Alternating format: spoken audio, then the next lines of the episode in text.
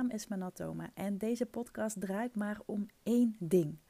Hoe word jij online opgemerkt met jouw kennis en expertise? Zonder trucjes en poespas, maar door gebruik te maken van het meest simpele en krachtige wapen wat er maar bestaat: positionering en personal branding.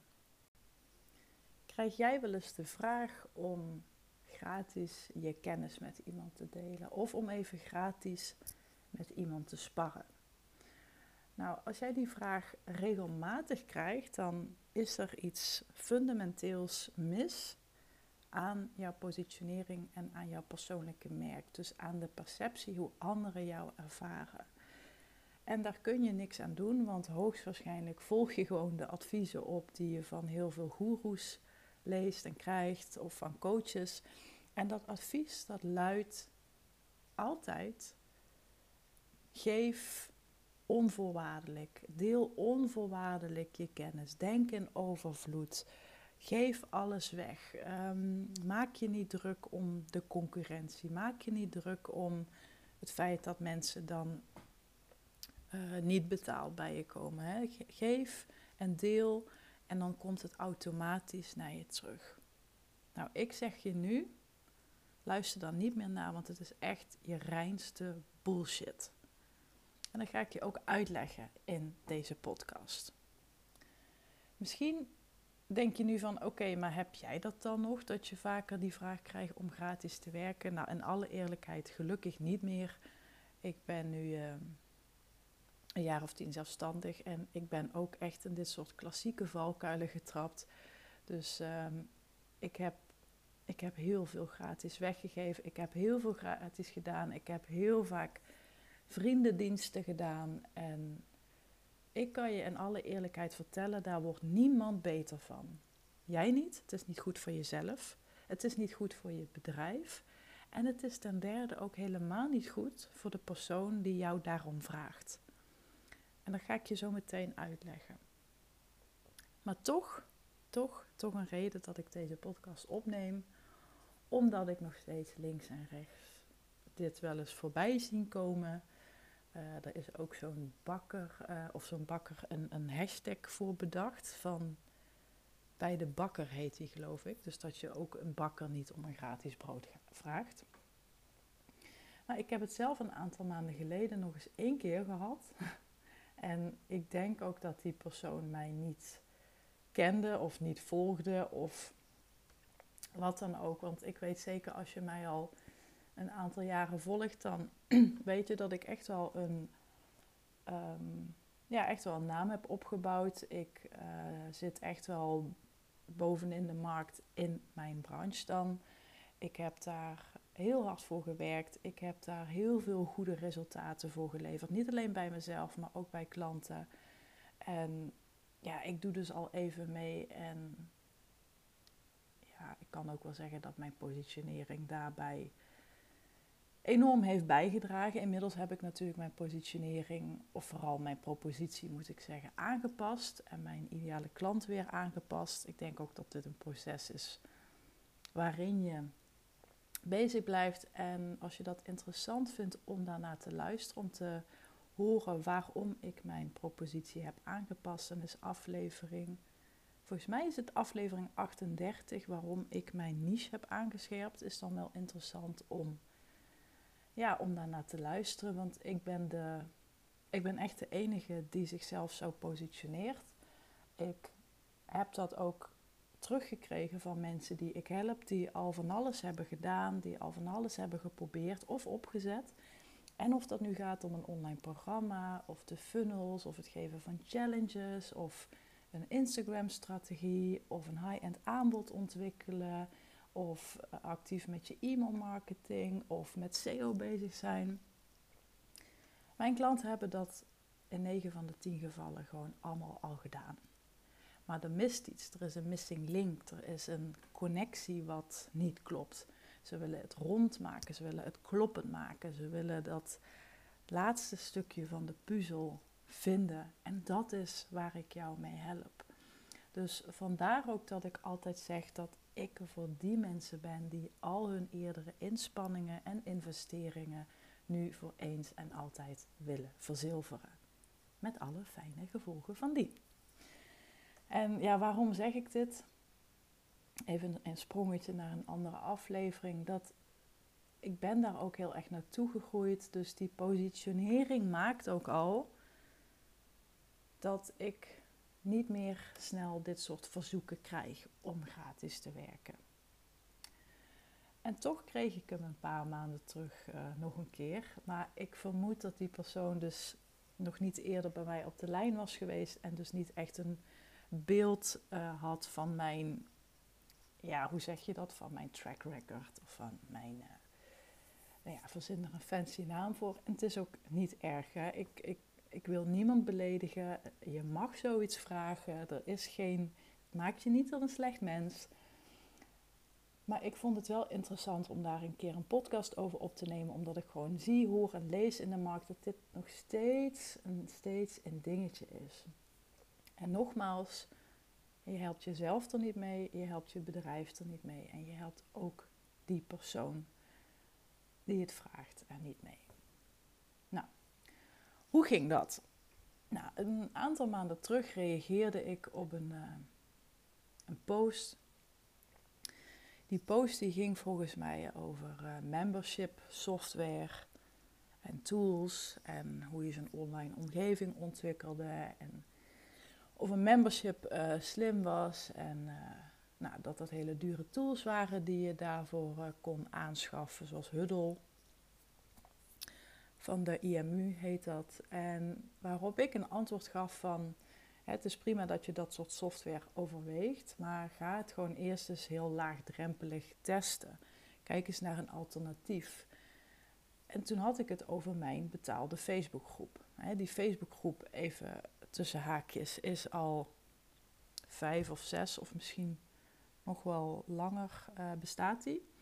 Die heb ik ooit in het leven geroepen als gratis marketingmiddel. Ik had destijds 3000 mensen erin, als het niet meer is. En um, het was gewoon een gratis marketingmiddel. En ik had daar heel veel waardevolle content in staan. Feitelijk alles wat ik leerde, deelde ik weer gratis. En je snapt al een beetje waar dit naartoe gaat. Juist omdat ik het gratis weggaf, werd het niet op waarde geschat. Ja, en daar was ik op een gegeven moment gewoon ja, klaar mee. Ik had het gehad. Ik denk, ja, ik heb dit niet meer nodig. Uh, en ik heb die Facebookgroep toen stopgezet. Ik heb hem wel bewaard, dus alle content die erin staat, die nog steeds relevant is, die, uh, ja, ik ben wel zo slim geweest om dat te bewaren. Ik heb ook vanaf het begin af aan, toen ik die Facebookgroep maakte, daar heel duidelijke modules in gemaakt.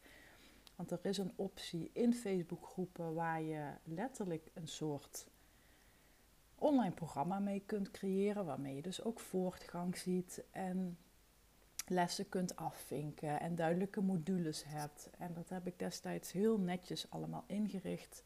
Dus er zijn duidelijke eenheden of duidelijke modules die verwijzen naar lessen om jezelf te positioneren of die juist weer heel erg gaan over online ondernemen.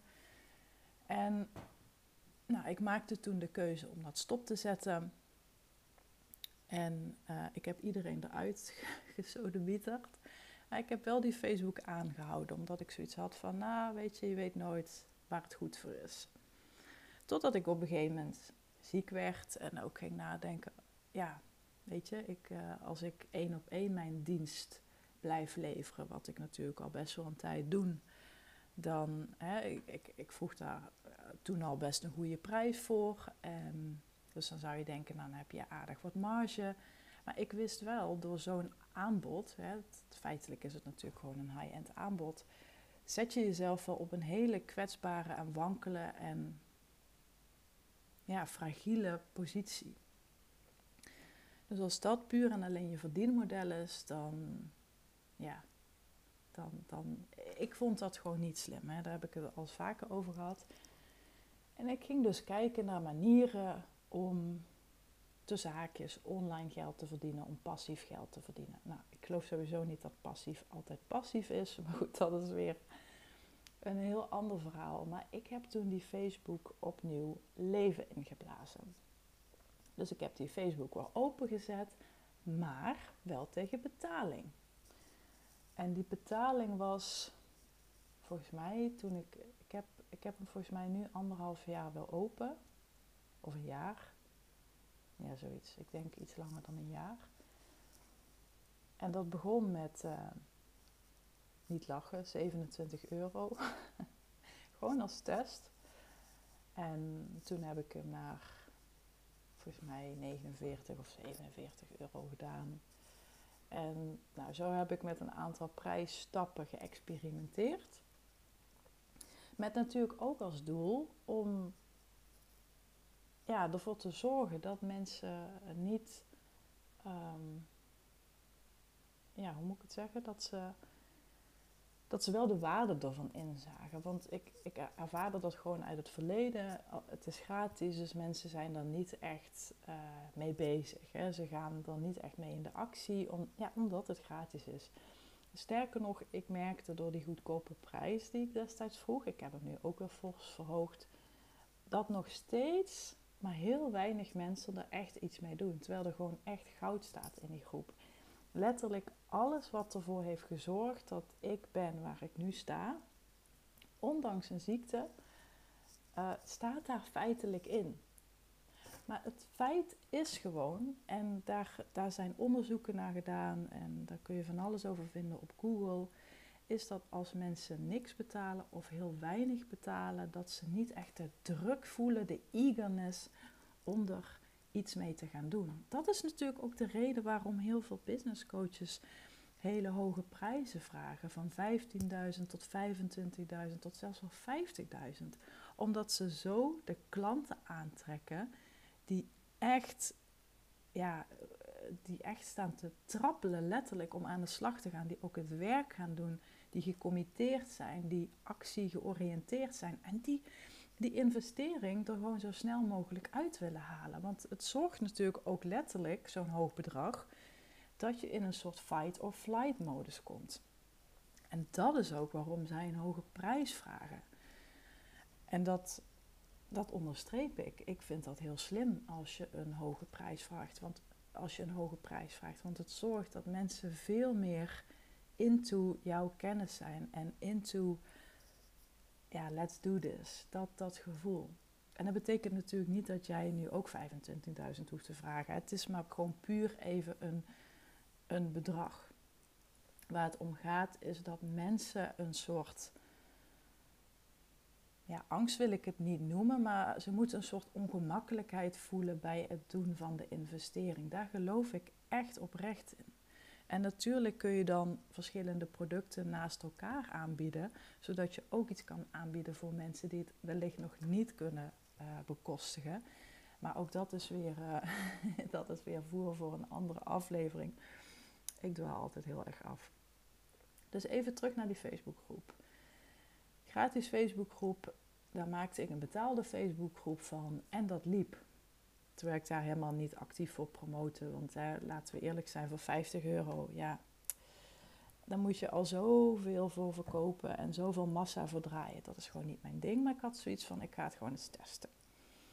Nou, lang verhaal kort, dat gaf ik als advies op een LinkedIn-post.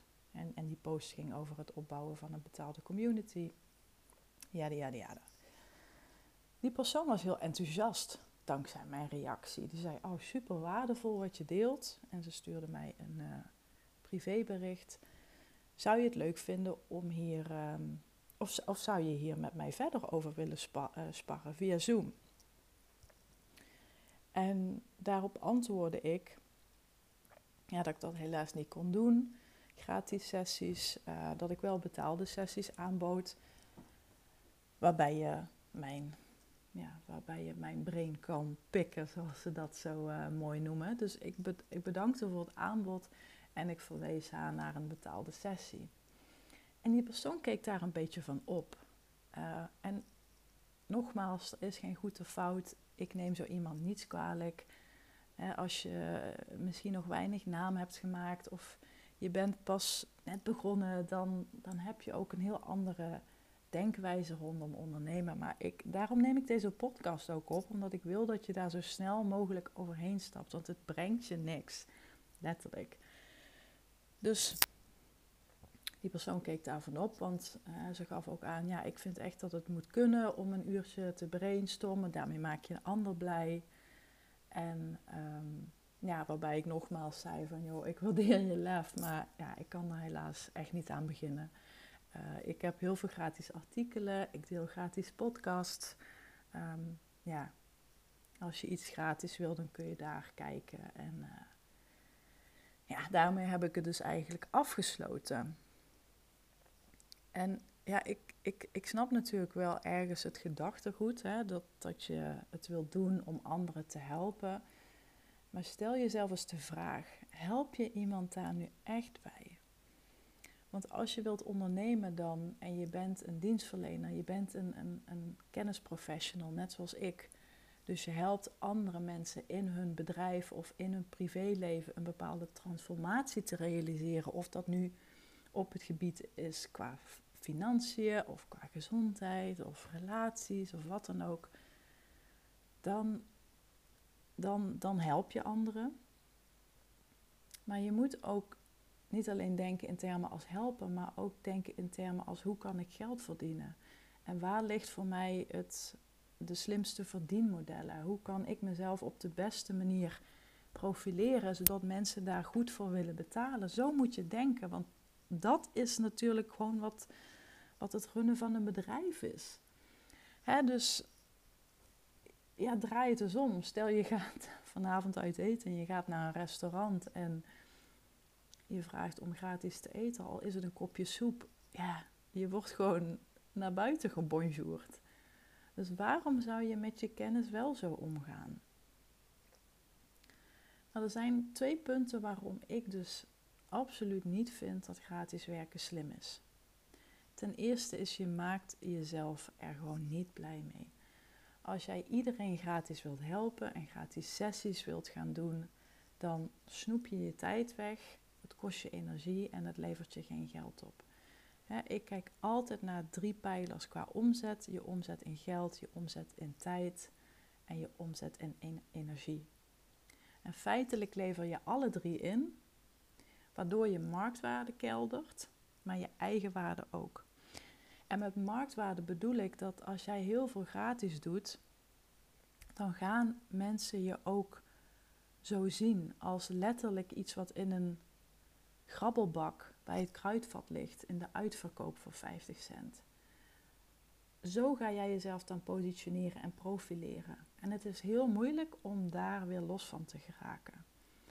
En dat zorgt er dus ook voor dat je eigen waarde gaat dalen. Dat je denkt van ja, mensen benaderen me alleen nog maar om gratis sessies.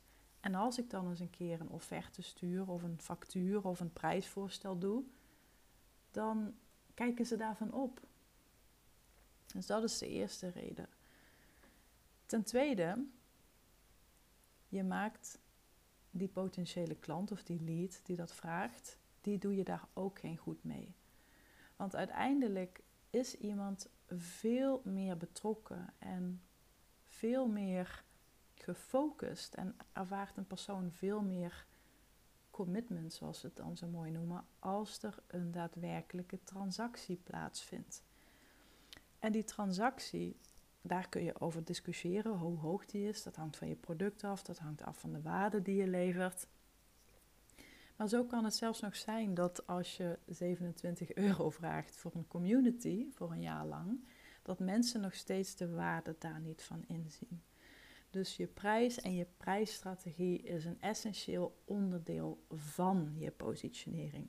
Het zegt niks over je positionering. Hè. Er zit echt een heel groot verschil in. Um, om daar even op in te gaan, je, je prijs zegt iets over de waarde die je levert, of die je bezorgt, of die je oplevert. Dus kijken naar je prijs, dat zorgt er ook voor dat je mensen gaat afstoten, maar ook de juiste mensen gaat aantrekken. De juiste mensen die jou op waarde weten te schatten. En dat is natuurlijk wat je wilt. Dus door gratis sessies te doen, geloof ik niet dat je iemand echt helpt. Want zo iemand zal je waarde niet inzien. Zo iemand gaat jouw kennis en de strategieën en de tactieken die je deelt hoogstwaarschijnlijk niet verzilveren. En nog erger, je zult zien dat ze vroeg of laat bij een business coach instappen en daar wel een heel goed bedrag gaan betalen. Waardoor jij denkt, what the fuck. Ik heb zoveel gratis waarde gedeeld. Waarschijnlijk dezelfde waarde en dezelfde informatie die ze bij een betaald programma gaan krijgen. Maar dat is echt je eigen schuld. Want door jezelf zo, ehm, door jezelf zo laag in te zetten, als het ware, zullen mensen ook niet die waarde gaan inzien. Dat is gewoon het effect van gratis werken en heel veel gratis doen. Betekent natuurlijk niet dat je helemaal niks gratis mag doen, hè? Want wat kun je dan wel doen? Ook eigenlijk weer twee dingen. Het eerste is dat je heel tactisch en strategisch gaat nadenken over hoe je gratis waarde kunt inzetten. Even een voorbeeld. Een uh, klant van mij die heeft onlangs een uh, sprekersklus gekregen bij een uh, groot en bekend event. Waar ze bij, ja, bij, bij wel honderden mensen in haar doelgroep onder de aandacht komt. En dat zorgt weer voor een enorme boost in volgers, in aanvragen, in het opbouwen van je marktwaarde, in het versterken en verstevigen van je naam in een bepaalde branche. Dus dan zet je het heel tactisch in. Ik heb bijvoorbeeld ook, ehm, om even nog een voorbeeld te noemen, ik heb natuurlijk ook best wel veel, ja wat heet veel, uh, wel een aantal sprekersklussen gedaan, maar ik word ook wel eens gevraagd in masterclasses bij grote en bekende namen. En als zij dan een, een flink bereik hebben en ook een bereik waarin mijn doelgroep en mijn ideaal klantsegment zich bevindt, dan zeg ik nou, weet je, ik kom wel een half uur met jou een QA doen, waarbij jouw ehm, klanten mij alles kunnen vragen. Een ander voorbeeld is dat ik, um, ik weet, de, ik heb wel eens een stukje aangeleverd in iemands boek en de laatste was het boek van Marjolein Bongers. En zij is LinkedIn-deskundige eh, of LinkedIn-stratege, of uh, hoe je het ook noemen wilt. En nou, dat, dat is gewoon een hele grote naam met een mooi bereik. En ook klanten waarvan ik denk, ja, dat, dat schuurt ook wel aan mijn klantgroep. Dus dan um, heb ik ervoor gekozen om een stuk tekst uh, of een, ik weet niet eens meer hoe lang het precies was. Volgens mij was het één pagina met mijn uh, tips, mijn adviezen, mijn visie. En dat heb ik gratis gedaan. En daarnaast maak ik natuurlijk ook heel veel gratis content, zoals deze podcast. Of mijn e-mailtjes of mijn posts op LinkedIn. Dus op die manier kun je heel strategisch nadenken over hoe kan ik mijn gratis waarde dusdanig inzetten zodat ik mijn bereik vergroot of mijn, um, ja, mijn marktwaarde vergroot en welke manier past daarbij. Dus dan kun je denken aan een gasthoofdstuk, om het maar even zo te noemen, of een interview bij uh, iemand in de podcast, of um, ja, een gratis sprekersklus, of om het even wat. Dus daar kun je eens over nadenken. Maar gewoon gratis werken omdat iemand daarna vraagt, of gratis werken voor maar één iemand, dat zou ik je gewoon niet aanraden. En ook uitzonderingen daar gelaten. Ik bedoel, als het een goede vriend is of iemand in je familie die je een keer uh, wat om advies vraagt, ja, weet je, dan ga ik ook niet direct uh, een, een, een tikkie sturen. Maar je snapt denk ik wel wat ik bedoel. Ja, wat kun je dan wel doen als je deze vraag krijgt? Nou, ten eerste denk ik dat dat je dan echt aan je positionering en aan je profilering moet werken. En dat kun je op tal van manieren doen. En wat ook meespeelt is om heel duidelijk het uh, um, uit te spreken dat je zoiets niet doet. En ik moet hierbij altijd aan een uitspraak van een, um, ja, van een mentor van mij uh, denken. En dit was echt nog op het moment dat ik heel veel gratis deed. Ik deed echt nog, uh, ja, ik deed echt gewoon veel te veel gratis. Ik, ik sneed mezelf gigantisch in de vingers. En hij zei een keer, uh, je moet je echt veel zakelijker gaan opstellen. Denk aan een restaurant. Als je daar denkt gratis te kunnen eten, al is het een kopje soep, dan sta je buiten. Dus door je zo op te stellen, en door je zo op te stellen, dat bedoelde hij ehm, jezelf zakelijk opstellen en er gewoon geld voor vragen als iemand je om een sessie vraagt. Daarop zei hij dus, je verliest door je zo op te stellen misschien even aan populariteit, maar uiteindelijk win je hun respect. En dat is me altijd bijgebleven. Want vaak doen we dit soort gratis sessies vanuit de grond van ons hart, omdat we het iemand gunnen, omdat we het fijn vinden om te helpen. Het geeft ons een goed gevoel. Maar je weet nu dat het eigenlijk niet slim is. Door, dus door dan op zo'n moment nee te zeggen, vriendelijk te bedanken, ehm, ja, dat maakt je misschien niet populair. dat kan best zijn dat mensen denken, nou wat arrogant en wat onvriendelijk of nou dat vind ik niet netjes, want ik vind dat je gratis waarde moet delen. Denk dan hieraan. Je verliest misschien even aan populariteit, maar uiteindelijk win je aan respect. Wat je dan wel kan doen is, en daarmee wil ik afsluiten, is als je merkt dat mensen hier naar vragen, dan kun je gewoon heel beleefd zeggen: hey, bedankt dat je interesse hebt in mijn expertise. Ehm, helaas kan ik mijn kennis niet uh, gratis weggeven. Daarvoor is het veel te waardevol. Maar ik heb wel een blog of een podcast die je absoluut zal helpen. Dit is de link. Ik wens je veel lees- en luisterplezier. En mocht je nog vragen hebben of alsnog met mij een sessie willen boeken, dan hoor ik dat graag. Voel je ook wat er gebeurt als je zoiets zegt? Je bouwt letterlijk aan je positionering. Je stijgt in marktwaarde, je stijgt in eigenwaarde. Je krijgt meer aanzien en respect. En dat doet iets met je op persoonlijk niveau. Je voelt je veel meer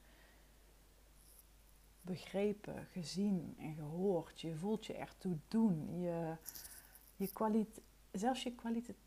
God, ik kom even niet uit mijn woorden. De kwaliteit van je leven en je bedrijf verbetert. En dat klinkt nu misschien heel overdreven, maar dat is het niet. Want als jij heel veel gratis weggeeft en daarvoor gewoon niet naar waarde betaald krijgt, dat dat gaat frikken dat gaat frikken. Je gaat je irriteren aan die mensen en aan diezelf en aan jezelf. Maar bedenk, mensen gaan zo ver totdat jij toestaat. Dus mensen gaan zo ver tot het punt wat jij toestaat. En ik weet dat dat heel lastig is om nee te zeggen, maar ik wil echt dat je jezelf hierin traint. Ook dit is gewoon positionering, doen aan verwachtingsmanagement. Daarmee ga je echt boven jezelf uitstijgen. Het zal misschien onprettig voelen in het begin, maar uiteindelijk word je er echt veel gelukkiger van. Nou, ik hoop dat deze podcast je inzichten heeft gegeven. Ik vind het uh, uiteraard leuk om een berichtje van je te ontvangen hierover. Je, nou, je weet me te vinden. Ik zit op LinkedIn, op Instagram, af en toe uh, stories eigenlijk alleen nog maar. Maar um, nou, ik vind het oprecht leuk om van je te horen. Laat me weten welke inzichten jij hieruit hebt gehaald. Mocht je denken dat dit interessant is voor iemand anders in je netwerk, stuur dan even het linkje door. En uh, nou, dan uh, spreek ik je heel snel weer. Ik wens je een opmerkelijke dag. En ik zou zeggen, fire in the hole. Zet hem op weer met alles waar je mee bezig bent. En ik zie je, ik spreek je snel. Doei doei!